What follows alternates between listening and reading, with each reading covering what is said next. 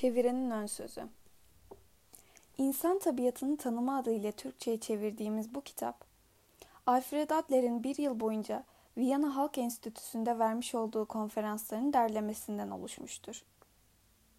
Kamuoyunda en çok yankı uyandırmış eserleri arasında yer alan bu kitabından, Adler çok önemli bir probleme dikkati çekmiştir. İnsan kişiliğinin gelişmesinde aşağılık duygusunun ve bu duyguyu gidermek için gösterilen çabaların anlamı ve önemi. Aşağılık duygusu çocuğun gelişmesinin çok erken bir döneminde ortaya çıkmaktadır. Bazı organik kusurlar ve yetersizliklerle dünyaya gelen, küçük yaşta bir takım sosyal ekonomik yoksunlukların acısını duyan ya da ana babanın başvurmuş olduğu hatalı bir eğitim yönteminin, sevgi ve şefkat göstermeme gibi Sonucu olarak kendini harisliğe ve boş gurura kaptırmış olan bir çocukta aşağılık duygusunun belirmeye başladığını görüyoruz. Bu aşağılık duygusu bütün kişiliğe belli bir renk vermekte ve bu duyguyu giderebilmek için gösterilen çabalar çocuğu gelişmenin normal yolundan saptırmaktadır. Kendini aşağılık duygusuna kaptırmış olan bir çocuk belli bir davranış kalıbını benimsemektedir. Bu davranış kalıbı onun bütün kişiliğine biçim vermekte ve daha sonraki yıllardaki gelişmesi üzerinde çok belli bir etkisi de bulunmaktadır. Böylece toplum içerisinde ne kendilerine ne de başkalarına yararlı olan, daha yerinde bir deyimle hem kendilerine hem de çevrelerindeki insanlara zarar veren ve toplumun uyumlu bir şekilde işlemesini engelleyen bazı insanlar çıkmaktadır ortaya. Hepimiz hayatımız boyunca bu gibi kimselerle karşılaşmışızdır. Onları genellikle bir takım yaftalarla damgalarız. Kıskanç deriz, hasetçi deriz, kinci, haris, kendini beğenmiş, hırçın, haşin, korkak, kötü kalpli, kaba, zalim ve benzeri gibi niteliklerle donatırız. Onlara kızarız, alınırız, güceniriz. Onlarla ilgimizi keseriz. Bütün bu özelliklerin temelinde yatan psikolojik gerçekleri bilmediğimiz için suçlarız onları. Russell'ın dediği gibi, otomobilimiz işlemediği zaman acaba nesi var diye orasına burasına bakıp düzeltmeye çalışırız da, insanlar iyi işlemediği zaman onları suçlamaktan gayri pek bir şey yapamayız. Kendi içimizde bakmasını biliyorsak eğer, kendimize karşı ne derece hoşgörülü davranırsak davranalım, bu gibi özelliklerin bir dereceye kadar bizde de bulunduğunu görmezlikten gelemeyiz. Suçu kendimize bulalım ya da bulmayalım. Bilerek ya da bilmeyerek biz de zaman zaman başkalarını öfkelendiririz. Kızdırırız, gücendiririz. Kendi davranışımızın temelinde bulunan itkileri bilmediğimiz için kendimizi de suçladığımız olur. Bütün bunların sonucu olarak da kendi kendimiz ile de başkaları ile de tam bir uyum içerisinde yaşamamız güçleşir, hatta imkansızlaşır. Toplumumuz içerisinde uyumlu bir evliliğin, mutlu bir aile hayatının, huzurlu bir iş çevresinin, sürekli bir arkadaşlığın, sağlam bir dostluğun bu derecede az olması büyük ölçüde bu psikolojik gerçekleri bilmemiz olmamızdan ileri gelmektedir. Adler işte bu noktada bize yardımcı olmak istemektedir. İlk olarak psikoloji biliminin verilerini bütün insanların hizmetine sunmakta ve gündelik hayatın sorunlarını uygulamaya çalışmaktadır. Psikoloji, Adler'e göre herkesin anlayabileceği ve anlaması gereken bir bilimdir. Daha kitabının başında psikolojinin yalnızca birkaç uzman yetiştirerek yürütebilecek bir bilim olmadığı noktası üzerinde ısrarla durmaktadır. Psikoloji hepimizi daha iyi, daha olgun bir ruhsal gelişmeye ulaşabilecek şekilde yetiştirmeli. Kendi kendimizle uzlaşmamızı ve içerisinde yaşadığımız toplumla uyumlu bir şekilde kaynaşmamızı mümkün kılmalıdır. Gündelik hayatta karşımıza çıkan sorunları olumlu bir yönde çözmemizi sağlamalı. Topluma yararlı olan sağlıklı, verimli ve iyi insanlar olarak yetişmemize imkan vermelidir. Adler'e göre bunun ilk şartı olarak kendimizi ve başkalarını tanımak için içten bir ilgi ve sürekli bir çaba harcamamız gerekmektedir. Psikoloji bilimi ancak böyle bir ilgi ve çabanın var olması halinde bize yardımcı olabilecektir. Adler Sokrates'in kendini tanı ilkesini mutluluğun temel yasası olarak görmektedir. Kendimizi ve başkalarını tanıdığımız ölçüde insanlarla daha iyi geçinmemiz, dolayısıyla daha mutlu bir hayat yaşamamız mümkün olabilecektir. İkinci olarak Adler bize başkaları hakkında ahlaki yargılar vermekten kaçınmayı öğütlemektedir. Böyle bir açıdan görüldüğü zaman ahlaki suç kavramı değişik bir şekil almakta ve suçluluk önünde sonunda Sokrates'in erdem bilgidir. Hiç kimse bilerek kötülük işlemez. Sözünün ışığı altında görülmesi gereken bir olay olarak karşımıza çıkmaktadır. İnsan davranışının temelinde bulunan psikolojik itkileri bildiğimiz zaman ve bu itkilere yol açan pedagojik, sosyal, kültürel ve ekonomik şartları ışığa çıkardığımız zaman bütün kötülüğün nereden ileri geldiğini bileceğiz ve başkalarını hiç değilse bir dereceye kadar suçlamaktan vazgeçebileceğiz. Burada Adler üçüncü bir adım daha atmakta ve pedagoji alanına geçmektedir. Bütün kötülüğün nereden ileri geldiğini bilmek, hiç şüphesiz Adler gibi bir psikoloğu tatmin edecek nitelikte değildir. O, bu kötülüğü önleyecek ya da giderecek çareler aramak, dolayısıyla psikoloji bilimi alanındaki çalışmalarını pedagoji alanına iletmek istemektedir. Adler'e göre insan kişiliğinin hatalı gelişmelerini önleyecek, hatta düzeltebilecek biricik kuruluş okuldur. Bu bakımdan eğitim programlarımızı psikoloji biliminin sağlamış olduğu verilerin ışığı altında yeniden gözden geçirmek ve düzeltmek gerekecektir. Ancak bu sayededir ki insanların psikolojik bir kadere mahkum olmaları önlenecek ve kendi kaderinin efendisi olduğunu bilme cesaretini gösterecek yepyeni bir nesil yetişecektir. Bunun yanında Adler bize kendi sorunlarımızı çözmek bakımından pratik bir takım yollar da önermektedir. Her insan kendini kuşku, kıskançlık, haset, kin, boş gurur ve benzeri gibi insani zayıflıklardan büsbütün kurtaramadığına göre hiç değilse onlara iyi bir yön verebilmeli ve bu kusurlarını büsbütün düzeltemese bile kendisine ve topluma yararlı olabilecek bir biçime sokabilmelidir. Eğitilebilir olmanın temelini çocuğun kendi zayıflığını ve güçsüzlüğünü giderebilmek için gösterdiği çabada bulan Adler, bütün işin bu çabaya iyi bir yön vermek olduğunu öne sürmektedir. Aşağılık ve yetersizlik duygusunun güçlü bir uyarım rolü oynaması sayesinde binlerce yetenekli insan çıkmıştır ortaya demektedir. Adler, insanlara ve insani problemlere iyimser bir görüş açısından yaklaşmaktadır.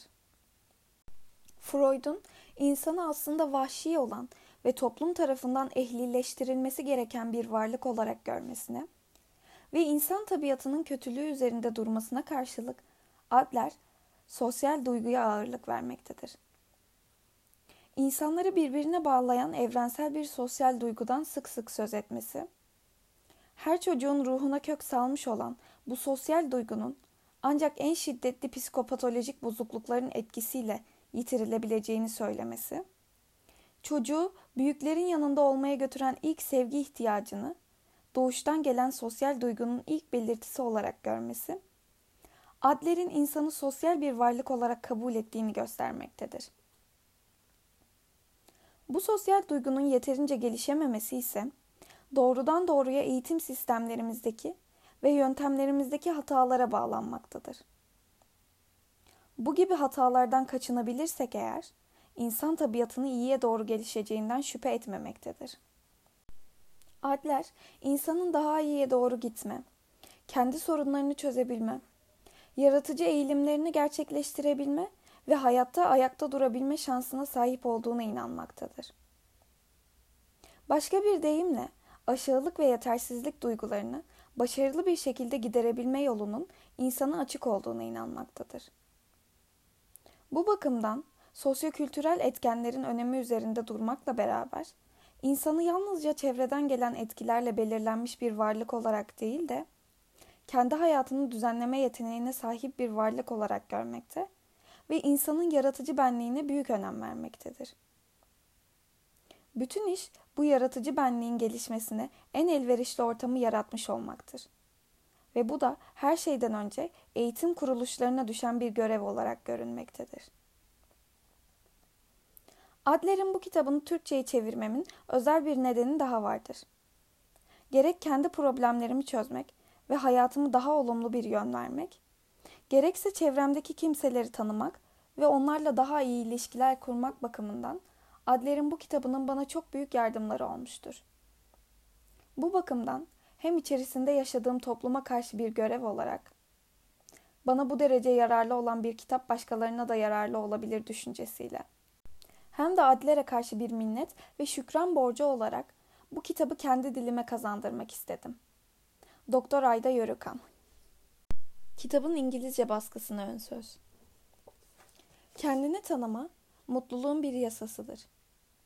Günümüzde ortalama bir insanın kendini tanımak için sahip olduğu imkanlar, yarım yüzyıl öncesine kıyasla mümkün olmayacak oranda artmış ve yaygınlaşmıştır.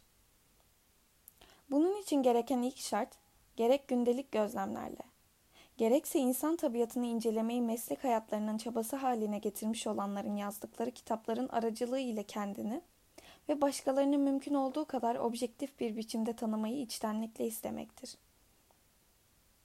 Alfred Adler her şeyden önce açık sözlülüğündeki yumuşaklık, yardım istemek üzere kendisine başvuranlar hakkında verdiği yargılardaki sağlamlık ve güvenilirlik ile geniş deneyimleri sayesinde ulaşmış olduğu gerçekleri yaymak istemesindeki içtenlikle belirginleşmiş bir insandır. Bakıp usanmadan insanları kendileri ve başkaları üzerinde düşünmeye yöneltmek istemiştir. Çünkü insan tabiatının imkanlarını değerlendirerek bu konuda daha iyi bir anlayışa ulaşmanın, insanı başka hiçbir şeyin sağlayamayacağı bir güvenlik duygusu vereceğini bilmektedir. Hayatını adamış olduğu konunun son derece bilimsel bir niteliği olduğunu fark ettiği, özellikle psikiyatri ve psikoloji kelimelerinin ürkütmüş olduğu kimselere nasıl yararlı olabileceğini bildiği için kendisini insan davranışlarının kaynakları ile ilgili belli başlı gerçekleri yayma konusunda en iyi şekilde ve en ön safta rol oynamak biçiminde yetiştirmeye çalışmıştır. Çocukların doğar doğmaz içerisine girmiş oldukları bağımlı durum ve çocukluluğun bağımlılığından olgunluğun bağımsızlığına doğru gelişme yılları boyunca göstermiş olduğu çaba üzerinde tekrar tekrar durmakla başka insanlara elinden gelebilecek en büyük yardımı yapabileceğini anlamıştır. Adler, ana babanın ve toplumun, insanın bebeklik ve ilk çocukluk yılları üzerinde etkilerinin anlamına dikkati çekmiştir. Başkalarının, özellikle Freud'un yaptığı gibi yetişkin insanların çevreye uyma kalıplarını geniş ölçüde hayatın ilk yıllarında belirlenmiş olduğunu göstermiştir. Çocuk yalnızca kendi biyolojik itkileriyle değil, ana babasının, erkek ve kız kardeşlerinin ve daha sonra öğretmenlerinin itkileriyle de çekişmek zorunda kalmaktadır.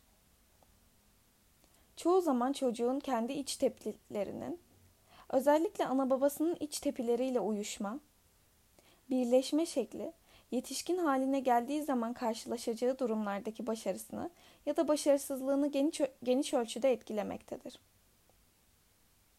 Adler bu görüş noktasını seslenmiş olduğu kamuoyu için son derece açık ve seçik bir biçimde dile getirmiştir.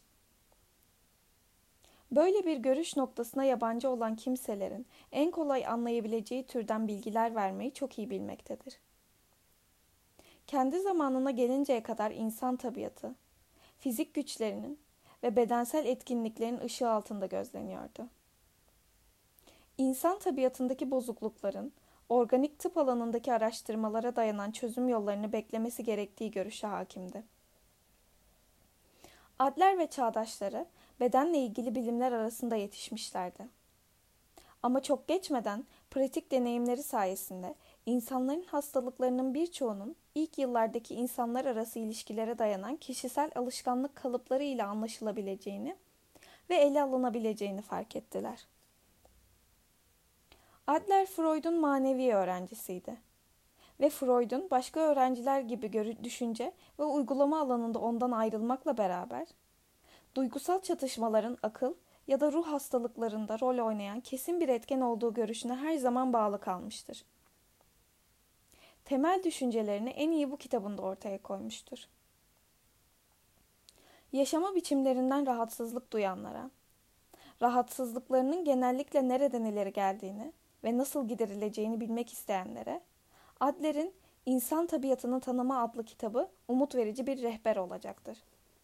Dr. Leland Hinsey, Columbia Üniversitesi Doktorlar ve Operatörler Koleji Psikiyatri Profesörü, New York Eyaleti Psikiyatri Enstitüsü ve Hastanesi Müdür Yardımcısı. Yazarın ön sözü. Bu kitap bireysel psikolojinin dayanmış olduğu ilkeleri kamuoyuna tanıtmak amacıyla hazırlanmıştır. Aynı zamanda insan bu ilkeleri günlük hayatının akışı içerisinde yalnızca dış dünya ile ve başka insanlarla olan ilişkilerinde değil, kendi hayatının düzenlenmesi içinde de uygulayabilsin diye hazırlanmıştır. Kitap, Viyana Halk Enstitüsü'nde her yaştan ve meslekten yüzlerce erkek ve kadından oluşmuş bir dinleyici kitlesine bir yıl boyunca verilmiş olan konferanslara dayanmaktadır. Kitap, bireyin yaptığı hatalı davranışların, toplumumuzun ve içerisinde yaşadığımız küçük grupların uyumuna ne derece bozmuş olduğunu da göstermeye çalışmaktadır. Ayrıca insana kendi hatalarını nasıl görebileceğini öğrenmek, topluluk hayatına uyumlu bir biçimde katılabilmek için nasıl hareket etmesi gerektiğini göstermek gibi bir amaca da hizmet etmektedir. İş hayatında ve bilimde işlenen hatalar pahalıya mal olan, üzünülecek hatalardır. Ama hayatın akışı içerisindeki hatalar genellikle hayatın kendisi için tehlike oluştururlar. İnsanlığın ilerlemesine, insan tabiatının daha iyi anlaşılması yönünde ışık tutmak bu kitabın görevi olacaktır. Alfred Adler Giriş İnsanın kaderi ruhunda saklıdır. Herodot İnsan tabiatını inceleyen bilime, onun sınırlarını çok fazla aşacak ve onunla övünmeye, böbürlenmeye kalkacak şekilde yaklaşmamak gerekir. Tam tersine, insan tabiatının anlaşılması, bu konuda çalışan kimselerin belli bir alçak gönüllülük göstermiş olmasını zorunlu kılar. İnsan tabiatı problemini çözümlemeye kalkmak, son derece büyük bir görev yüklenmek demektir. Ve bu probleme çözüm yolu aramak da, hatırlanamayacak kadar eski zamanlardan beri kültürümüzün bir amacı haline gelmiştir.'' Yalnızca birkaç uzman yetiştirmek gibi bir amaca ulaşmakla yürütülebilecek bir iş değildir bu. Bu bilimin gerçek amacı her insanın insan tabiatını anlamasını mümkün kılmaya çalışmak olmalıdır. Araştırmalarını yalnızca bilimsel bir grubun malı olarak gören akademik araştırıcılarla böyle bir amaca ulaşmak kolay değildir. Birbirimizden ayrı olarak yaşadığımız için hiçbirimiz insan tabiatı hakkında pek bir şey bilmiyoruz. Eski zamanlarda insanların bugünkü kadar birbirinden ayrı yaşamaları mümkün değildi. Çocukluğumuzun ilk günlerinden bu yana insanlıkla pek az bir ilişkimiz olmaktadır. Aile bizi başka insanlardan ayırmaktadır. Bütün yaşama biçimimiz, insan tabiatını tanıma sanatının ve biliminin gelişebilmesi için gerekli olan başka insanlarla yakın ilişkiler kurma zorunluluğunu engellemektedir. Başka insanlarla yeterince ilişki kurmak imkanını bulamadığımız için onlara düşman oluyoruz. Onlara karşı davranışımız çoğu zaman hatalıdır. Vermiş olduğumuz yargılar genellikle yanlıştır. Çünkü insan tabiatını gerektiği gibi anlayamıyoruz. İnsanların birbirlerini fark etmeden birbirlerinin önünden gelip geçtiklerini, birbirleriyle ilişki kuramadıklarını, çünkü yalnızca toplumda değil, ailenin dar çevresi içerisinde bile birbirlerine yabancı olarak kaldıklarını söylemek, sık sık tekrarlanan bir gerçeği dile getirmektir. Çocuklarını anlayamadıklarından şikayet eden ana babaların ve ana babaları tarafından yanlış anlaşıldıklarından sızlanan çocukların şikayeti kadar yaygın bir şikayet yoktur. Başka bir insana karşı takındığımız tavır, bütünüyle o insanı ne şekilde, nasıl anladığımıza bağlıdır. Bu bakımdan başkalarını anlamak, sosyal ilişkilerin temelinde bulunan zorunlu bir şart olarak görünmektedir. İnsan tabiatı hakkında daha çok bilgi edinmiş olsalardı, insanların bir arada yaşaması çok daha kolay olurdu. Bu durumda sosyal ilişkilerin bozulması önlenebilirdi. Çünkü kolay uyumsuzlukların ancak birbirimizi anlamadığımız zaman ortaya çıkabileceğini, dolayısıyla duygularımızı birbirimize belli etmek istemediğimiz için sergilemeye çalıştığımız bir takım dış görünüşlere kanma tehlikesiyle karşı karşıya kalacağımızı da bilirdik.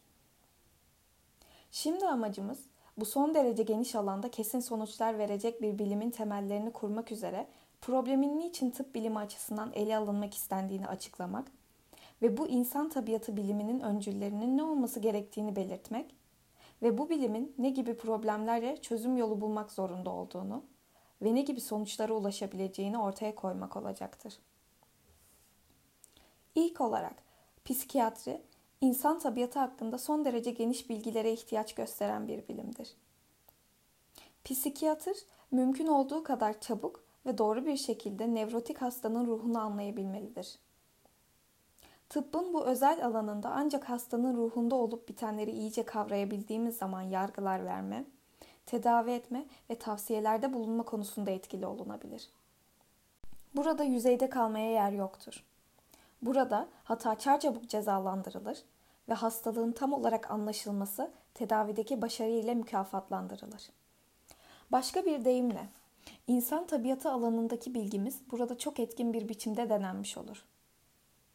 Gündelik hayatta başka bir insan hakkında vermiş olduğumuz hatalı bir yargının hemen arkasından bir takım acı sonuçların ortaya çıkması gerekmez.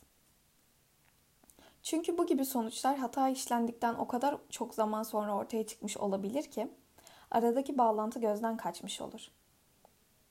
Bir başkasını yanlış anladıktan ne kadar uzun bir zaman sonra büyük bir talihsizliğin buna sebep olduğunu görünce şaşarız.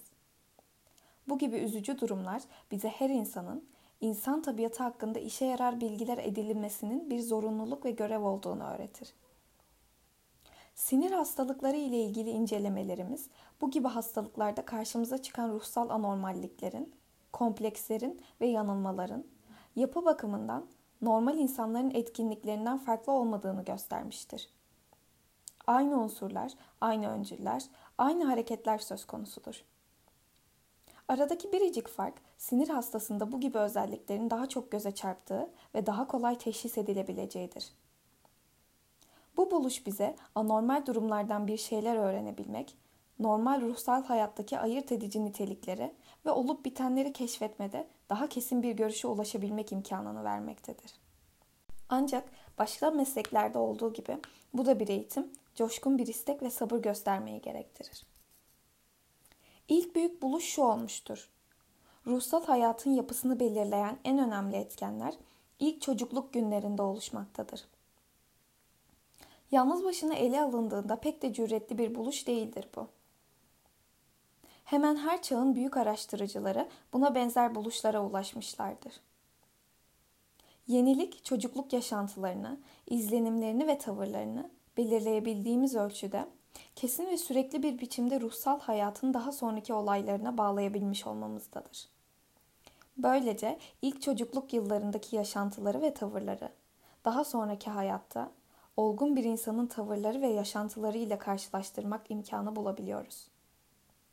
Bununla ilgili olarak hiçbir zaman ruhsal hayatın tek bir görünüşüyle yetinmemek gerektiği gibi önemli bir gerçekte bulunmuştur. Ruhsal hayatın tek tek görünüşlerini ancak bölünmez bir bütünün birer parçası olarak gördüğümüz zaman anlayabileceğimizi, ancak genel etkinlik akışı ve genel davranış kalıbı içerisindeki yerlerini belirleyebildiğimiz ölçüde değerlendirebileceğimizi, yalnızca bireyin bütün yaşama biçimini ışığa çıkarabildiğimiz ölçüde, bireyin henüz çocukken gizli bir amaç güderek takılmış olduğu tavrın, olgunluk çağındaki tavrı ile aynı olduğunu açık ve seçik olarak ortaya koyduğumuz ölçüde kavrayabileceğimizi öğrenmiş bulunuyoruz. Kısaca, insanı şaşırtan bir açıklık ve seçiklikle ruhsal hareketler bakımından hiçbir değişiklik olmadığı ortaya çıkmıştır. Bazı ruhsal olayların dış görünüşü, kalıplaşma biçimi ve sözle anlatımı değişebilmektedir. Ama temelleri, gayesi, dinamiği, ruhsal hayatı en son amacına doğru yönelten her şey değişmeden kalmaktadır. Endişeli bir karakteri olan, içi kuşkular ve güvensizliklerle dolu, her zaman toplumdan kaçmaya çalışan bir yetişkin hasta, hayatının 3. ve 4. yıllarındaki aynı karakter özelliklerini göstermekte ve aynı ruhsal etkinliklerde bulunmaktadır. Şu farkla ki bu özellik ve etkinlikler çocukluğun sadeliği içerisinde daha açık ve seçik bir biçimde yorumlanabilmektedir. Bu bakımdan araştırmalarımızın büyük bir bölümü hastalarımızın çocukluğuna doğru yöneltmeyi kural haline getirmiş bulunuyoruz. Böylece çocukluğunu bildiğimiz bir yetişkin insanın karakter özellikleri hakkında herhangi bir bilgi edinmeden önce bu özelliklerin neler olduğunu açıklayabilme sanatını edinmiş oluyoruz. Bir yetişkin olarak onda gözlemlediğimiz şeyleri doğrudan doğruya çocukluk yaşantılarının yankısı olarak görüyoruz. Bir hastanın çocukluğu ile ilgili en canlı hatıralarını işittiğimiz ve bu hatıraları nasıl yorumlayacağımızı bildiğimiz zaman onun şimdiki karakterinin kalıplarını büyük bir doğrulukla yeniden kurabiliyoruz. Bunu yaparken bir insanın çocukluğundaki davranış kalıbından ancak büyük güçlükler pahasına vazgeçebileceği gerçeğinden yararlanıyoruz. Her ne kadar kendilerini yetişkin hayatlarında büsbütün farklı durumlar içerisinde bulmuş olsalar da insanların pek azı çocukluktaki davranış kalıbını değiştirmeyi başarabilmiştir. Yetişkin hayattaki bir tavır değişikliği davranış kalıbının da değişmiş olmasını gerektirmez. Ruhsal hayatın temelleri değişmemektedir. İnsan gerek çocuklukta, gerekse yetişkinlik döneminde aynı etkinlik çizgisinde kalmaktadır. Bu da bizi bireyin hayattaki gayesinin değişmemiş olduğu gibi bir çıkarsamaya götürmektedir. Davranış kalıplarını değiştirmek istiyorsak, dikkatimizi çocukluk yaşantıları üzerinde toplamamızı gerektiren başka bir neden daha vardır. Yetişkin bir insanın sayısız yaşantılarını ve izlenimlerini değiştirip değiştiremediğimiz pek fark etmez. Gereken şey hastamızın temel davranış kalıbını ışığa çıkarmaktır. Bir kere bunu kavrayabildik mi, hastanın temel karakterini de öğrenebiliriz ve hastalığını doğru olarak yorumlayabiliriz. Çocuğun ruhsal hayatının incelenmesi böylece bilimimizin dayanak noktası haline gelmiştir ve hayatın ilk yıllarını inceleyen pek çok araştırma yapılmıştır. Bu alanda hiçbir zaman el sürülmemiş ve üzerinde işlenmemiş o kadar çok yeri vardır ki elimizde herkes insan tabiatının incelenmesi konusunda son derece yararlı olabilecek yeni ve değerli bilgiler keşfedecek durumda bulunmaktadır.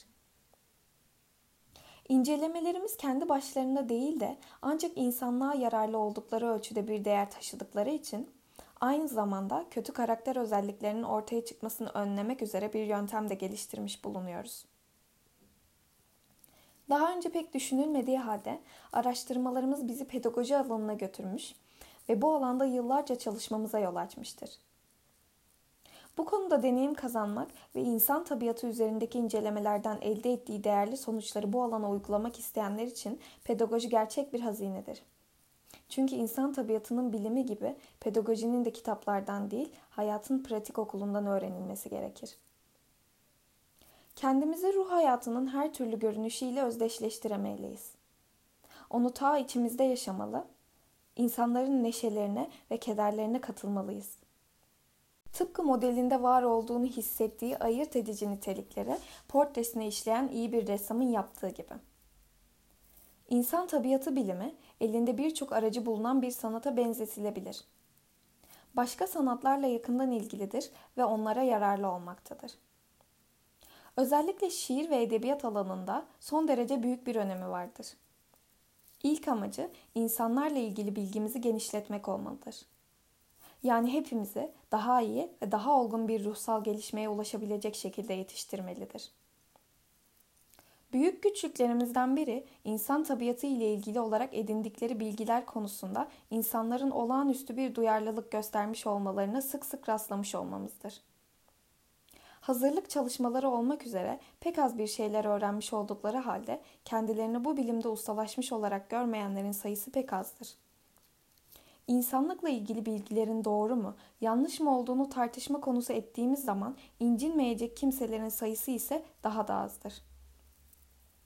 İnsan tabiatını gerçekten bilmek isteyenler ancak kendini başkasının yerine koyabilme, başkalarının duygularını ve heyecanlarını paylaşabilme, yetenekleriyle insanların değerini ve önemini fark edenler, yani kendileri de ruhsal bunalımlar geçirmiş olanlar ya da başkalarının ruhsal bunalımlarını tam olarak anlayabilenlerdir. Bu durum belli bir taktik ve stratejiye ulaşma ve bilgimizi uygulama imkanı verecek bir yöntem bulma zorunluluğunu ve problemini ortaya çıkarmaktadır. Ruhunu incelerken keşfetmiş olduğumuz katı gerçekleri bir insanın yüzüne şiddetle vurmaktan daha çok nefret uyandıracak ve eleştirilecek bir şey yoktur. Başkalarına nefret uyandırmak istemeyen bir kimse bu konuda dikkatli olmasını tavsiye etmek uygun olacaktır.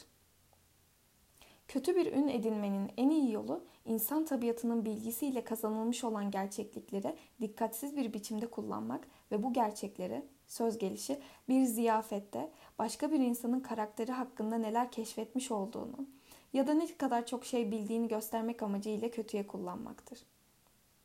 Bu bilimin önemsiz bazı temel gerçekliklerinden tam ve kesin sonuçlarmış gibi söz açmak da aynı şekilde tehlikelidir. Çünkü bu gibi iddialar bilimi bütünüyle anlamayan bir kimseyi şaşırtabilir. Bilimin ne olduğunu kavramış olanlar bile böyle bir tutumdan incineceklerdir. Daha önce söylediğimizi tekrarlamak zorundayız. İnsan tabiatı bilimi alçak gönüllü olmamızı gerektirir. Denemelerimizin sonuçlarını yerli yersiz ve acele olarak bildirmeye kalkmamalıyız. Bu ancak kendini göstermek ve neler yapabileceğini kanıtlamak isteyen küçük çocuklara özgü bir davranıştır. Bir yetişkinin bu şekilde davranması yakışık almaz. İnsan tabiatını bildiğini iddia eden bir kimseye bu bilgiyi önce kendi üzerinde denemesini tavsiye etmeliyiz. Bu kimse insanlığın hizmetinde kazanmış olduğu deneyimlerin sonuçlarını bunu bilmek istemeyen bir zavallının yüzüne çarpmaya kalkmamalıdır. Bu şekilde hareket edilecek olursa henüz gelişmekte olan bir bilime yeni yeni güçlükler çıkartmaktan ve doğrusunu söylemek gerekirse amacını bozmaktan başka bir şey yapmış olmayız. Bu yüzden genç araştırmacıların düşüncesiz taşkınlıklarından ileri gelen hataların yükünü taşımak zorunda kalıyoruz. Parçalar hakkında herhangi bir yargıya varmadan önce bütünü göz önünde bulundurmak zorunda olduğumuzu hatırlamak ve bu konuda uyanık bulunmak daha yerinde bir davranış olur. Üstelik ulaştığımız sonuçları ancak herhangi bir insanın yararına olduğuna kesinlikle güvendiğimiz zaman açıklamalıyız. Karakterle ilgili bir gerçeği biçimsiz ve yersiz bir şekilde açıklamakla bir aylı kötülük etmiş oluruz. Bu konuda derinleşmeden önce birçok okuyucunun aklına gelebilecek bir itiraza cevap vermek zorundayız.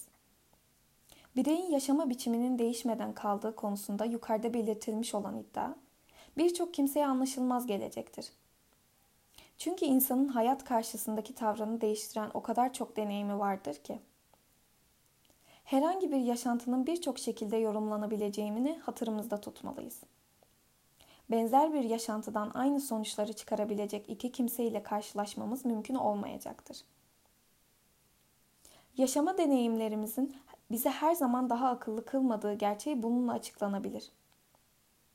Bir insan gerçekten de bazı güçlüklerden kaçınmayı öğrenebilir ve başkalarına karşı bir filozof tavrı takınmayı becerebilir. Yine de o kimsenin davranış kalıbı değişmeden kalabilir. Daha ileride bu konu üzerinde durduğumuz zaman bir insanın deneylerini hep aynı gaye için kullandığını göreceğiz. Daha derin bir inceleme bize o insanın bütün deneylerinin yaşama biçimine, yaşama kalıbının mozaiğine uyması gerektiğini gösterecektir. Kendi deneylerimize biçim verdiğimiz neredeyse bir atasözü haline gelmiştir. Her insan neyi deneyeceğini ve bunu ne şekilde yapacağını kendisi belirler. Günlük hayatımızda insanların kendi deneylerinden istedikleri sonuçları çıkardıklarını gözleyebiliyoruz. Hep aynı hatayı işleyen insanlar vardır. Eğer bu gibi bir kimseye hatasını göstermeyi başarabilirseniz değişik tepkiler gösterebilecektir. Gerçekten de bu hatadan vazgeçmenin artık zamanı geldiği gibi bir sonuca varabilecektir. Ne var ki böyle bir sonuca çok seyrek olarak rastlanmaktadır. Daha büyük bir olasılıkla uzun zamandan beri bu hatayı işlemekte olduğu, bu yüzden artık bu alışkanlıktan kurtulmasının mümkün olamayacağı şeklinde bir itirazda bulunacaktır. ya da işlemiş olduğu hatadan ana babasını, yetiştirilme biçimini sorumlu tutacaktır. Hiçbir zaman kendisiyle ilgilenecek biri olmadığından, pek nazlı büyütüldüğünden ya da kendisine çok sert davranılmış olduğundan şikayet edecek ve hatasını, suçu başkasına atarak bağışlatmaya çalışacaktır. Nasıl bir özür bulmuş olursa olsun bir tek şeyi açığa vurmaktadır. Daha fazla bir sorumluluktan sıyrılmayı istediğini. Böylece görünüşte kendisini haklı çıkartmakta ve kendi kendisini eleştirmekten kurtulmuş olmaktadır. Kendisi hiçbir zaman ayıplanacak bir şey yapmamıştır. Yapmak istediği şeyleri hiçbir zaman yapamayışının nedeni hep bir başkasının hatasıdır. Bu gibi insanların göremediği nokta hatalarını önlemek için pek az bir çaba göstermiş olmalıdır. Çoğunlukla hata işlemeye devam etmek ve hatalarını büyük bir coşkunlukla kötü bir şekilde yetiştirilmiş olmalarına bağlamak eğilimindedirler. Bu istedikleri sürece suçtan kaçmak için güçlü bir özür bulmaya çalışmak şeklinde olmaktadır. Bir yaşama deneyinin birçok şekilde yorumlanabilmesi ve tek bir deneyden çeşitli sonuçlar çıkarma imkanı bize, bir insanın niçin davranış kalıbını değiştirecek yerde deneylerini davranış kalıbına uygun gelecek şekilde değiştirdiğini, bozduğunu ve değişik biçimde yorumladığını açıklamaktadır. İnsanlar için en güç şey kendini tanımak ve değiştirmektir. İnsan tabiatı biliminin kuramında ve tekniğinde ustalaşmamış bir kimse, insanları daha iyi insanlar olma konusunda yetiştirmeye kalkmış olsaydı büyük güçlüklerle karşılaşırdı. Büsbütün yüzeyde kalır ve olup bitenlerin dış görünüşü değişmiş olduğu için anlamlı bir şey başarabildiğini sanmak gibi bir hataya düşerdi. Uygulamalarımız sırasında karşımıza çıkan vakalar bize böyle bir tekniğin bir insanı ne kadar az değiştireceğini, ortaya çıkan değişikliklerin yalnızca görünüşte olduğunu, temel davranış kalıbı değişmedikçe bu gibi değişikliklerin bir değeri olmadığını göstermektedir. Bir insanı değiştirmek kolay bir iş değildir. Belli bir oranda iyimser olmayı ve sabırlı olmayı gerektirir. Her şeyden çok da böbürlenme duygusunun bir yana atılmasını gerektirir. Çünkü değiştirilecek olan insan bir başkasının böbürlenmesine vesile olacak bir obje değildir. Üstelik değiştirme işi o şekilde yürütülmelidir ki değiştirilmiş olan kimse tarafından haklı görülebilsin. Gerektiği gibi hazırlanmamış ve kendisine uygun bir biçimde sunulmamış bir yemeği bir insanın yemek istemeyeceğini, oysa böyle davranılmamış olsaydı o yemeği çok lezzetli bulabileceğini anlamak güç değildir. İnsan tabiatı biliminin sosyal görünüşü diyebileceğimiz bir yönü de vardır. İnsanlar eğer birbirlerini daha iyi anlamış olsalar da hiç şüphesiz birbirleriyle daha iyi geçinirler ve birbirleriyle daha yakın ilişkiler kurabilirlerdi. Bu durumda artık birbirlerini hayal kırıklığına uğratmaları ve aldatmaları imkansız olurdu. Bu aldanma olasılığı toplumu büyük bir tehlike içerisinde bırakmaktadır. Bu tehlikeyi insan tabiatı bilimi alanındaki çalışmalarına yeni başlayan meslektaşlarımıza göstermeliyiz. Bu bilimin verilerini insanlara uyguladıkları zaman onlara içimizde işlemekte olan bilinç dışı ve bilinmeyen güçlerin ne kadar önemli olduğunu anlatmalıdırlar. Onlara yardım edebilmek için kendileri de insan davranışlarının gizlenmiş olabileceğini ya da değişik bir biçimde bambaşka bir kılık altında ortaya çıkabileceğini, bu konuda nasıl bir el çabukluğu ve beceri gösterebileceklerini tümüyle bilmiş olmalıdırlar. Bu bakımdan insan tabiatı bilimini öğrenmek ve bu bilimi sosyal amacını da göz önünde tutacak şekilde bilinçli olarak uygulamak zorundayız. Bu bilimle ilgili verileri toplamaya ve bu konuda uygulamaya geçmeye en elverişli olanlar kimlerdir? Bu bilimi yalnız kuramsal yönden öğrenmenin mümkün olmadığını daha önce de belirtmiştik. Yalnızca bütün kuralları ve verileri bilmek yetmez. İncelemelerimizi uygulama alanına iletmek ve eskisinden daha keskin, daha derin bir görüşe ulaşacak şekilde bütün verileri birbiriyle ilişkili hale getirmek gerekir. İnsan tabiatı biliminin kuramsal yönünün gerçek amacı budur. Bu bilimi ancak hayata uyguladığımız ve ortaya atmış olduğumuz kuramları denediğimiz ve kullandığımız zaman etkili bir hale getirebiliriz. Böyle bir soruyu ortaya atmamızın önemli bir nedeni vardır. Eğitimimiz boyunca insan tabiatı konusunda o derece az bilgi ediniyoruz ki. Öğrendiklerimizin çoğu da doğru değil. Çünkü çağdaş eğitim hala bize insan ruhunun geçerli bir bilgisini verecek hale gelmemiştir. Her çocuk kendi deneylerine uygun bir biçimde değerlendirme ve okul ödevleri dışında kendi kendini geliştirme konusunda büsbütün kendi başına bırakılmıştır. İnsan ruhunun gerçek bir bilgisine ulaşma çabası bizde henüz gelenek haline gelmiş değildir. Simya çağında kimya ne durumdaydı ise insan tabiatı bilimi de bugün aynı durumdadır. Eğitim sistemimizin karmaşıklığına rağmen başka insanlarla ilişki kurma imkanlarını büsbütün yitirmemiş olan kimselerin insan tabiatı konusundaki bu araştırmaları yürütmeye en elverişli kimseler olduklarını görüyoruz. Önünde sonunda ya iyimser olan ya da kötümserliklerine kapılarak kaderlerine boyun eğmek istemeyen mücadeleci kötümserler olarak nitelenebilecek kadınlar ve erkeklerle karşılaşıyoruz. Ama yalnız insanlarla ilişki kurmak da yeterli değildir. Aynı zamanda bir takım deneyimler edinmiş olmak da gerekir. İnsan tabiatını tam olarak doğru bir şekilde değerlendirebilmek bugünkü yetersiz eğitim sistemimiz yüzünden ancak bir grup insanın ulaşabileceği bir şeydir. Bunlar da ya ruhsal hayatın girdabı içerisine bir zamanlar düşmüş olup da onun her türlü hata ve yanılmaları ile içli dışlı olmuş ama kendilerini bu girdaptan kurtarmayı başarabilmiş kimselerdir. Ya da böyle bir girdaba çok yaklaşmış ve akıntıya kapılmalarına ramak kalmış olan insanlardır. Şüphesiz başkaları da özellikle kendini başkasının yerine koyabilme, başkalarının duygularını ve heyecanlarını paylaşabilme yetenekleri olanlar bu bilimi öğrenebilirler. Ama insan ruhunu en iyi tanıyanlar tutkuları kendi içlerinde duymuş ve yaşamış olanlardır. Büyük dinlerin ortaya çıktığı günlerde tövbe etmiş günahkarlar nasıl büyük bir değer taşımışlarsa, günümüz ve çağımız için de aynı bu şekilde bu tip insanlar yararlı kimseler olarak görünmektedirler. Bu tip bir insan, doğru ve dürüst bir şekilde yaşamış olan binlerce insandan çok daha üstün bir durumda bulunmaktadır. Bu nasıl mümkün olmaktadır? Hayatın güçlüklerini yenebilmiş, kendisini hayatın batağından kurtarabilmiş olan bir insan, kötü deneyimlerinden yararlanma gücünü bulmuş ve bu deneyimler sayesinde kendini yükseltmiş, hayatın iyi ve kötü yanlarını anlamış olur. Bu konuda hiç kimse onu geçemez. Hele doğru ve dürüst bir şekilde yaşamış olanlar hiç geçemez.